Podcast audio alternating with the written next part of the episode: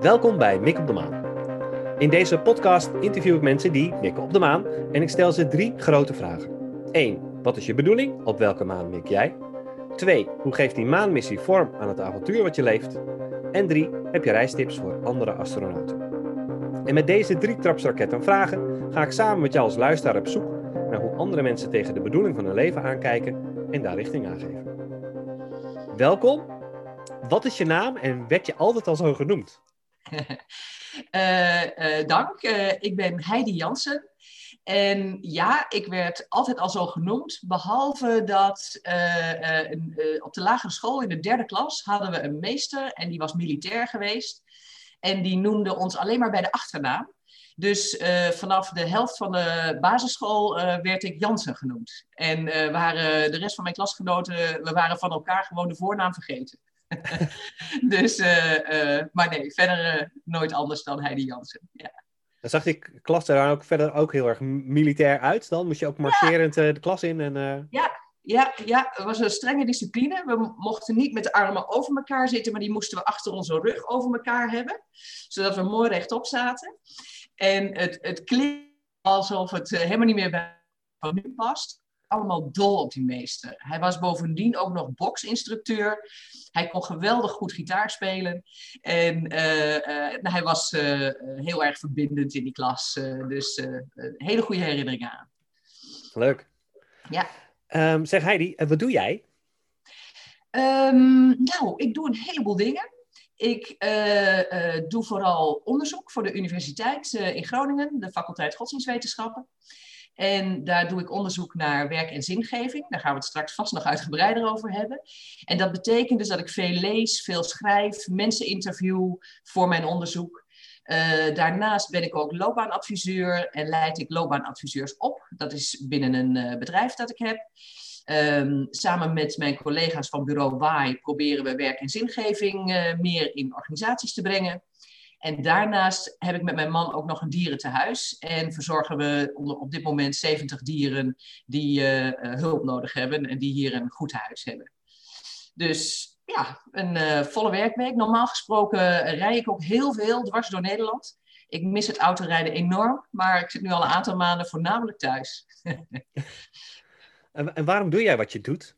Er zit wel een rode draad in, die zoekt toch naar zingeving? Ja, ja. Ik heb gewoon twee, uh, twee uh, onderwerpen die voor mij heel geliefd zijn. Dat is van jongs af aan is dat het onderwerp werk. Ik ben er altijd door gefascineerd. Waarom werken we? Waarom werken we zoveel? Waarom doen we precies dat wat we doen? Uh, hoe zit die arbeidsmarkt in elkaar? Waarom heeft de ene het daar zoveel beter dan de ander? Dus werk is een heel belangrijk thema. En een ander thema is dus zingeving. Wat, wat, geeft zin aan ons bestaan? waarom, waarom doen we wat we doen? Uh, waar worden we uh, blij van? Waar, waardoor kunnen we volhouden als het lastig wordt? Want dat heeft volgens mij allemaal met zingeving te maken. Dus die, gelukkig door mijn uh, studie aan de Universiteit Groningen, mocht ik uiteindelijk afstuderen op die twee thema's, werk en zingeving. En ik heb, nou ja, dat is al een heel, heel antwoord op jouw vraag, denk ik. Daar komen we dadelijk nog wel, gaan we vast nog verder op in. Ja, wat waar ik benieuwd naar ben is, um Waarom is zingeving nou zo belangrijk voor jou? Dus welke behoeften vervul jij met hier je, uh, hiermee aan de slag gaan en hier betekenis aan geven? Ja, um, voor mij heeft dat, dat hangt er vanaf. Voor mijn verschillende bezigheden zijn dat andere uh, doelen, zeg maar. Maar ik wil heel graag bijdragen aan een arbeidsmarkt die voor veel meer mensen uh, goed werkt. Dat er veel meer mensen mee kunnen doen. Dat uh, mensen het naar hun zin hebben op hun werk. Dat ze voelen dat ze daar uh, op hun plek zijn. Dat ze gezien worden. Dat ze er ook gewoon goed van kunnen bestaan. Um, dus om daar een bijdrage aan te leveren, al is het maar een kleine, door het onderzoek wat ik doe of door de dingen die ik schrijf, dat, uh, ja, daar, daar ligt mijn focus. Dus die, voor mij is, is zin, zeg maar, als ik het groot zeg, de wereld een beetje beter maken. En wat specifieker gaat het over uh, ja, de mens en zijn werk. Dus, en, en, ja, en, en zo werkt dat met, met, met zingeving. Ja, zingeving heeft een heleboel aspecten en je kunt er op verschillende manieren naar kijken. Maar op het moment dat je iets hebt wat, waarvoor jij graag uit bed komt en waar jij een bijdrage aan wilt leveren, ja, dan, dan kun je een heleboel aan in het leven, denk ik. En dan vind je je plek ook wel. Dus. Ja, want dat, ik heb laatst een boek gelezen, De Tweede Berg. Ja. en ik, ik, zag die thematiek ook in jouw boek heel erg mooi terugkomen. Ehm, dat ehm, je, je doet dingen omdat je op een of andere manier ontdekt hebt dat dat je talent is. Of je, je, je drijft een beetje toe naar een bepaalde carrière of naar een bepaalde baan. Um, en dat je dan op een gegeven moment ontdekt van die dingen die ik doe, hoe doe ik dat in samenhang met de wereld om me heen. En dat de zingeving niet iets is wat je in je uppie doet, maar dat je dat heel erg doet um, in de context waarin je leeft. Ja, zeker. Het, ik, ik denk dat uh, uh, zingeving. Ik, ik ken dat boek ook en ik ken ook wat meer onderzoekswerk van de schrijver, Frank Martela. Um, werk. Um, het, het heeft te maken met uh, dat jij het belang voelt van je werk. En waar Mathela ook over schrijft, het gaat ook over uh, dat je jezelf kunt verwerkelijken of dat je, daar, eh, dat je persoonlijke ontwikkeling daarmee te maken heeft. En ik vind wel eens dat tegenwoordig de nadruk wat te veel ligt op dat laatste, dat we allemaal aan onszelf aan het werken zijn om daarmee onze hoogst persoonlijke zin te vinden. Maar we, precies wat jij zegt, zin maken we samen. Op het moment dat jij niet gezien wordt en als, als het niet voor anderen is en als het ook niet door anderen ontvangen wordt en, en ook uh, uh, dan, dan uh, is zin in elk geval maar heel beperkt aanwezig. Zin heeft heel erg te maken in, met de wederzijdsheid, met het. Um, dat de ander er ook echt iets aan heeft en dat de ander um, jou ook ziet in wat je doet en daar uh, blij mee is of iets aan heeft. Dus klopt, ja. Ik ben uh, heel erg van die wederkerigheid in zingeving. Ja, ik had de laatste podcast opgenomen met Kees Klomp. Die is ja, hoogleraar betekeniseconomie of lector betekeniseconomie. Ja. En hij heeft het dan over het verschil tussen meaning en purpose. Dus meaning is dan zeg maar wat je zelf, die persoonlijke zoektocht. En purpose is dan veel meer in relatie tot de ander. Is dat dan uh, um, ook het juiste taalgebruik, vind jij? Of? Um, nou, uh, het maakt me niet zo heel uit als we het inderdaad maar eens zijn over de definities. Uh, haast eerder zeggen dat je persoonlijke doelen hebt. En daar zou je het woord purpose voor kunnen gebruiken. En dat meaning, zou, ik zou het haast omkeren. Dus meaning meer iets is wat het ook betekent voor de wereld. Maar dat zijn definities. En ik denk dat dit een gebied is wat ook heel erg in ontwikkeling is en op dit moment in de belangstelling staat. Dus dat we met elkaar ook aan het zoeken zijn naar wat zijn nou eigenlijk de, de, termen, wat is de taal waarmee we hier over kunnen spreken. Dus uh, wat we ermee bedoelen, dan vind ik prima welk woord uh, mensen daarvoor kiezen. Ja.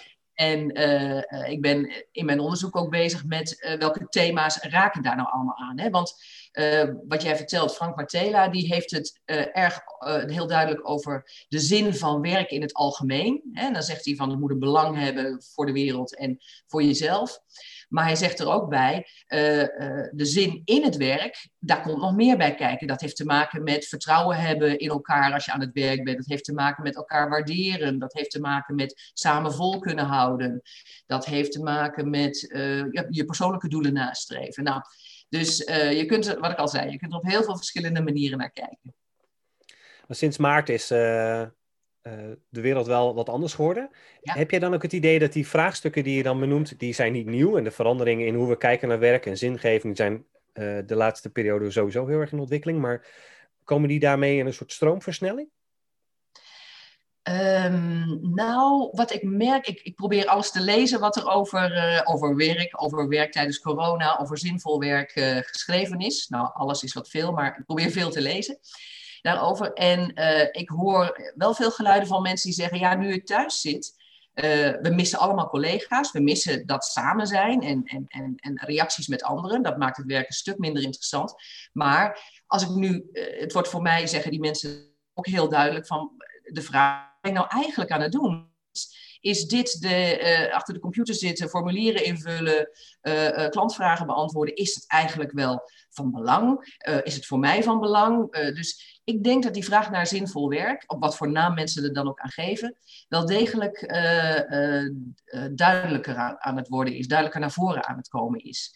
En als we kijken naar het werk dat Kees Klomp doet en een hele groep mensen die met die betekenis-economie bezig is, ook daar worden die vragen gesteld. Organisaties zijn ook bezig met wat is onze purpose eigenlijk? Wat willen wij zijn voor de wereld? En ja, ik hoop dat het uh, door corona nog wat duidelijker wordt en dat zowel organisaties als individuen zich dat meer af gaan vragen en daarover met elkaar in gesprek gaan. Van waarom doen wij eigenlijk wat we doen en zouden we dan geen, is, het, is dit dan wel precies wat we moeten doen? hoe belangrijk is het dat je als, als mens of als team of als organisatie antwoord kunt geven op die vraag, wat je bedoeling is? Wat heb je daaraan? Um, nou, ik denk dat het uh, uh, richting geeft, dat het energie geeft, dat het makkelijker samenwerkt. Als je weet, ja, hier werken we samen naartoe. Uh, in, in, in heel veel organisaties is dat gevoel ook een beetje weggeraakt. Ik, deed een, uh, uh, ik hield een interview met, een, met iemand die vertelde dat de afgelopen twintig jaar in zijn organisatie was het marktdenken erg ingevoerd. Dus afdelingen waren als het ware klant en leverancier van elkaar.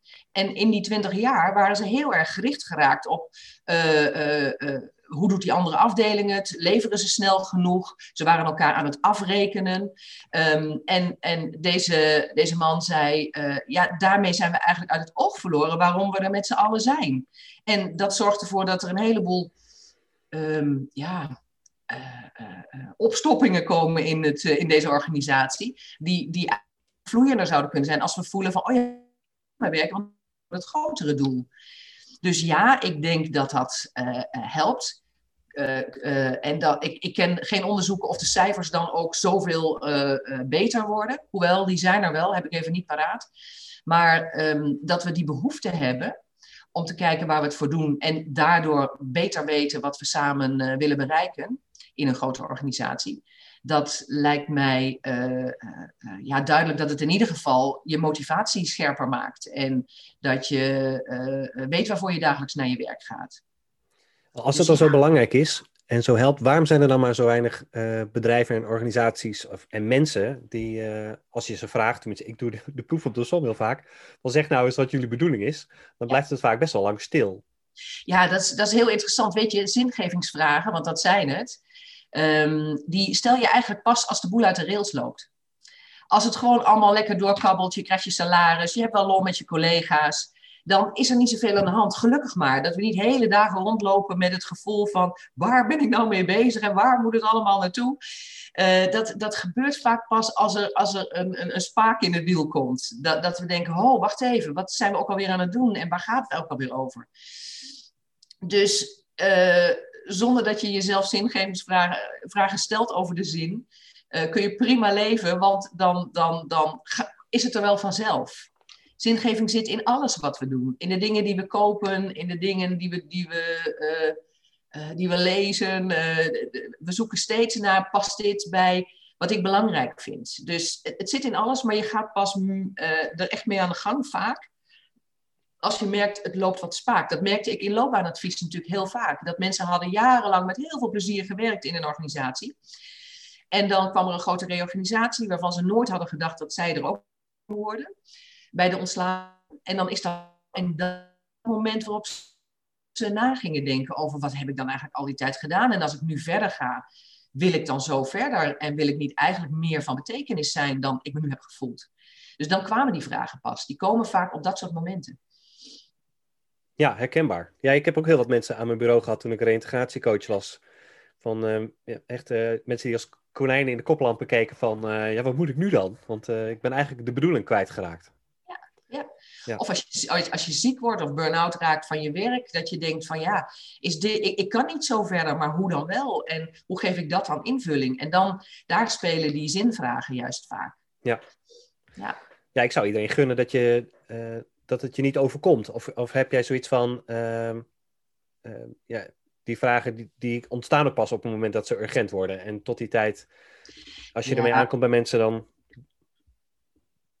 Ja, ik zal zeker niet zeggen van ik hoop dat, dat, men, dat er nare dingen gebeuren met mensen, zodat ze zich dan die vragen gaan stellen. Nee, hartstikke fijn als het lekker loopt en je leidt je leven en je bent tevreden en je hebt het goed met de mensen om je heen.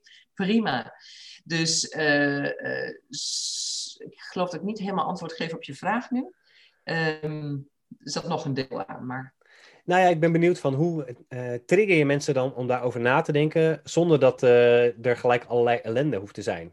Dus uh, ja, ik zou iedereen gunnen dat je die, die zingevingsvragen, dat je die stelt zonder dat er ellende is. Ja, nou, heel veel mensen stellen zich die vraag ook zonder dat er ellende is natuurlijk. Um, maar die, die momenten komen hoe dan ook in ieder mensenleven. Al is het op het moment dat je met pensioen gaat. Dat je dan denkt van zo, en nu? Hoe ga ik dan nu mijn leven vormgeven? Waar wil ik dan nu een rol spelen? Of waar ben ik nu nog welkom? Dus die vragen komen sowieso.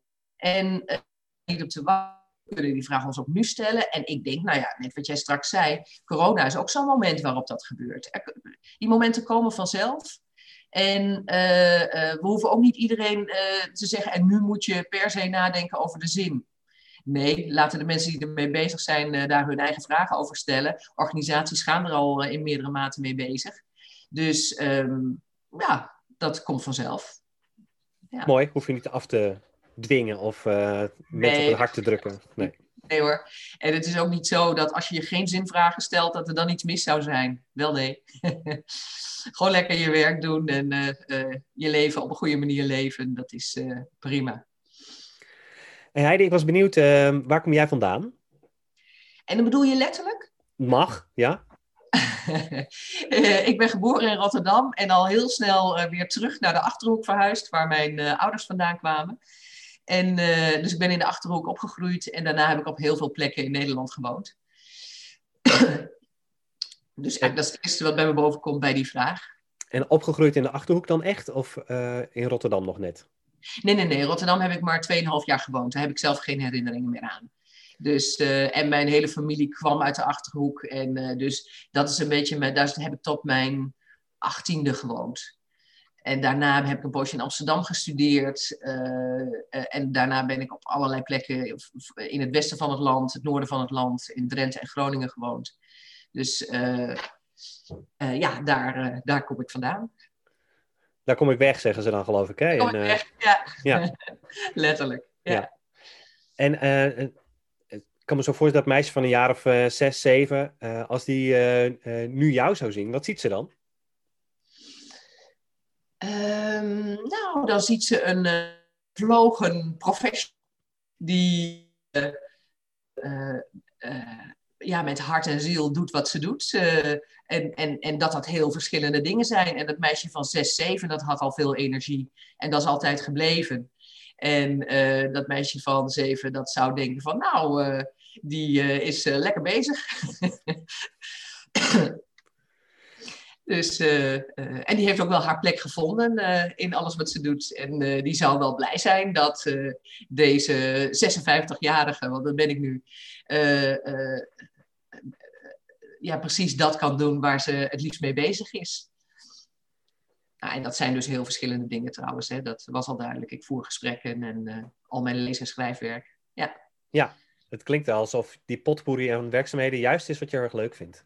Jazeker, jazeker. Ik was als loopbaanadviseur ook uh, daar altijd alert op. Dat ik dat bij wel meer mensen hoorde. Dat uh, veel dingen die je zou willen doen of kunnen doen... of waar je je voor zou in willen zetten dat die niet in één baan passen.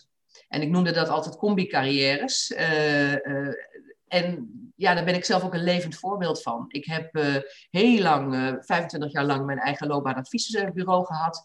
En in die jaren voelde ik wel van, ik vind het heerlijk om met mensen een nieuw perspectief te, te vinden. Om te helpen dat ze op een goede plek weer aan het werk komen. Maar ik had ook een soort van uh, onderzoeker, filosoof in mij die na wilde denken over de wereld. En daarom ben ik ernaast gaan studeren. En daarnaast had ik een soort boerin in mij die met, die, met die dieren aan de gang wilde. Die lekker met haar laarzen en oude spijkerbroek rond wilde sjouwen. En poep wilde scheppen en dieren wilde voeren en verzorgen. Dus ik heb geprobeerd om dat allemaal een beetje samen te brengen. En dan moet je ook maar het geluk hebben dat dat kan. Hè? dat besef ik ook, hoe, hoe fijn het is als je dat allemaal kunt combineren. Ja. En waar ga je naartoe, Heidi? Nou, ik hoop uh, dat ik dit nog jarenlang kan doen. Ik ben echt van plan om, totdat ik erbij neerval, en hopelijk is dat ergens in mijn, uh, nou ja, 80, dat ik 80, 90 mag worden. Uh, en dat ik al die tijd bezig blijf met wat ik nu doe. en in toenemende mate hoop ik dat met mijn onderzoek dat ik doe, de inzichten die ik krijg, de kennis die ik krijg over arbeidsmarkt, over hoe je anders met werk om zou kunnen gaan, uh, dat, dat, dat ik daar een, een, een heel klein stemmetje mag zijn in dat grote debat over hoe we de arbeidsmarkt voor veel meer mensen zinvol kunnen maken. Uh, dat, ja, daar, daar wil ik wel heel graag naartoe, ja. En dat kan zijn doordat ik uh, artikelen schrijf of een boek schrijf of mensen die ik spreek. Ik geef ook vrij veel lezingen en nu ook in deze tijd webinars.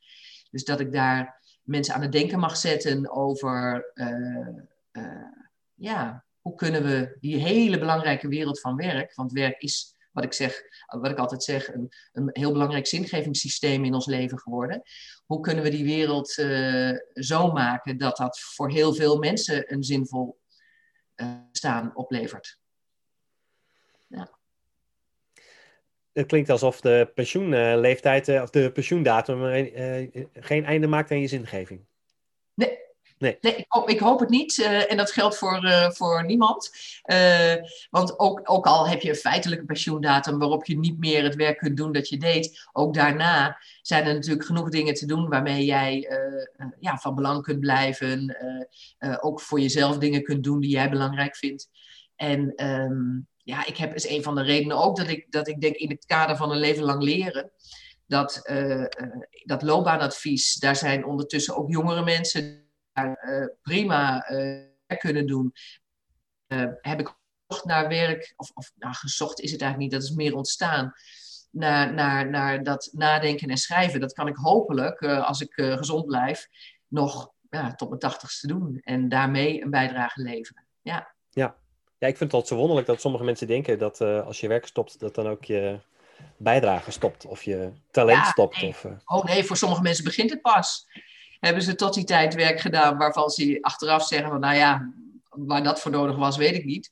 Maar uh, nu kan ik pas van, van, belang zijn. En het kan zijn dat je op je kleinkinderen past. Het kan zijn dat je een, groent, een moestuin begint of een bestuursfunctie in een uh, dorpsvereniging hebt. Uh, dat kan op zoveel verschillende manieren. En ja, en zo'n pensioenleeftijd, voor een heleboel beroepen is het fijn dat het kan stoppen. Dat het voor mensen ook zwaar was. En dat er nu een, dat er daarna een tijd komt die uh, iets meer uh, uh, rust geeft. Maar ja, voor, voor het, het, het, het, we blijven mensen die veel bij kunnen dragen, natuurlijk, hoe oud je ook bent. Ja. Um, hoe zorg jij ervoor dat je op koers blijft? Ieder mens is wel eens uit balans. En hoe, pak jij dat voor jezelf aan? Um, nou, uh, bijvoorbeeld, het begin is eigenlijk al dat, dat, je, dat ik uh, uh, accepteer dat dat gebeurt. Dat je het soms even niet meer weet en dat je denkt, ja, ben ik hier nou wel mee op het goede spoor? en dat ik besef dat dat er gewoon bij hoort en een soort vertrouwen heb van, ah, dat komt wel weer goed. En helemaal in balans, ja, dan sta je stil. Dus uh, een beetje uit balans heb je ook nodig om uh, in beweging te blijven, om te zoeken, steeds te blijven zoeken naar het juiste evenwicht. Um, en, en dat het, ja, dat het echt waar wordt door tegenslag of dingen dan ook te beseffen dat dat er ook bij hoort. Het, het, ik vind die periodes die ik niet zo heel leuk vind en waarin het allemaal wat moeizaam is en wat zwaar is, vind ik eigenlijk ook wel veel voldoeninggevend om gewoon te zeggen, nou ik ga gewoon door. Maakt mij het uit. Ik, de ene voet voor de andere. Dan maar even niet in de toekomst kijken. Even niet weten waar ik naartoe moet. Maar uh, uh, hou maar vol. Dat komt wel weer. en um, daar helpen dan uh, gesprekken met andere mensen heel erg bij. Dat je, dat je van elkaar herkent dat dat, je, dat, dat bestaat. En dat je uh, het even niet meer weet. En juist in het praten daarover help je elkaar. dus ja, in dat soort periodes heb ik iets van, nou, misschien op zo'n Achterhoeks of Gronings kopteveur en doorgaan. En niet te veel verwachten. dat vind ik ook een hele fijne. Hè? als jij iets, iets in de wereld wilt zetten en je verwacht daar dat het allemaal meteen goed loopt en dat iedereen het oppakt, ja, dan ben je klaar voor teleurstellingen. Als je zegt, nou, met kleine stapjes komen, komen we er ook, dan uh, is het makkelijker vol te houden. Ja. Dus, ja. Als je gelukkig, gelukkig mensen verlaagt zijn verwachtingen, hè? Dat, uh, ja. Ja. ja. um, ja, maar heb je daar ook een bepaalde ritmiek voor? Dat je zegt van, uh, oh, ik ga altijd één keer per jaar wandelen met diegene. Of ik zorg ervoor dat ik. Uh, ik heb een boekje waar ik voor mezelf in reflecteer. Of heb jij een manier ervoor om, om, die reflectie te doen? um, nou, ja, zeker. Uh, ik, uh, ik heb een aantal vriendenclubs waarmee we bij elkaar komen en waarbij, waarmee we ons leven doornemen en waar iedereen kan vertellen hoe het met hem is. En kunnen we, daar kunnen we ook slap houden horen. En, dus dat is altijd een enorm belangrijke bron. Uh, wandelen in de natuur, ja zeker. Dat, dat helpt mij ook, dat zoek ik ook op. Ik vind het ook heerlijk en dat, dat is misschien wel het eerste wat ik doe, is uh, gewoon gaan zitten en voor me uitstaren.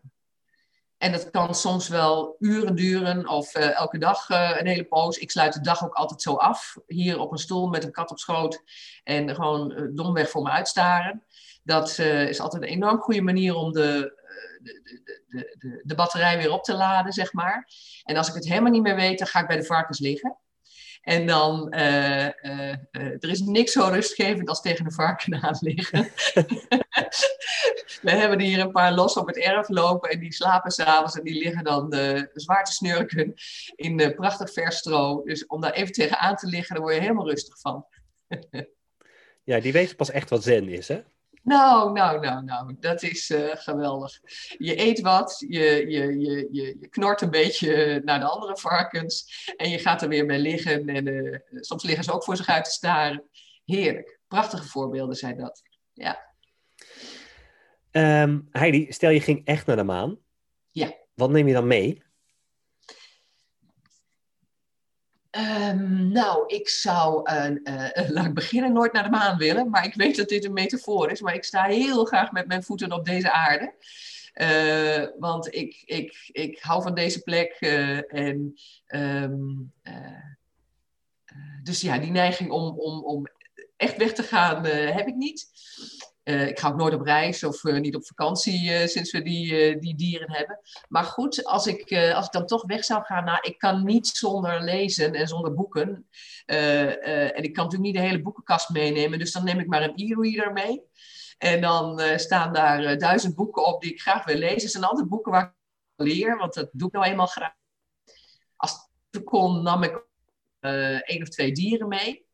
Uh, maar ja, dat is, dat is uh, niet een voorwerp wat je mee kunt nemen. Uh, ik zie al een nou, soort ark van Noach voor me. Die zo, ja, ja, dat zou heel leuk zijn. dat zou heel leuk zijn. Dat zou mij prima bevallen. dat hebben we hier ook een beetje gecreëerd.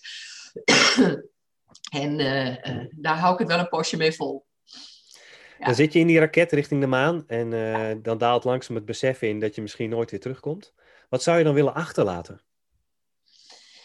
Um, nou, dat er een paar mensen zijn die zeggen van, nou, ik ben wel geïnspireerd geraakt of ze heeft me wel aan het denken gezet over uh, de wereld van werk. En ze, dat zou ik mooi vinden. Ik zou misschien nog wel een boek na willen laten, uh, waar mensen het ook in na kunnen lezen. Uh, naast het boek wat er al is. Um, ja, en ik zou ook gewoon wel een, wel een aarde achter willen laten waar ik op, op uh, uh, allerlei manieren geen schade heb aangericht. Waar uh, misschien de, de, natuur ook in een wat betere staat is, waarin dieren het goed hebben. En, en, en wat ik net al zei, mijn onderwerp, dat die arbeidsmarkt ook zo is dat ja, veel meer mensen dan nu het goed hebben. Ja. Mooi. Ben ik nog iets vergeten te vragen? Oh, als we dadelijk opgehouden zijn, dan komt er vast nog van alles binnen wat ik, dan bedenk ik nog van alles wat ik wel had willen vertellen. Maar nee, voor nu denk ik helder. Ben jij, heb jij gehoord wat je wilde horen? Ja, ik heb gehoord wat ik wilde horen. Ik wil jou heel erg bedanken. Um, en even kort wilde vertellen over hoe jij mikt op de maan. Ik wil ook de luisteraar bedanken dat je even samen met ons op reis wilde gaan het afgelopen half uur. Uh, ik zeg tegen jou en tegen de luisteraar uh, tot de volgende keer. Tot die tijd, blijf Nick op de maan.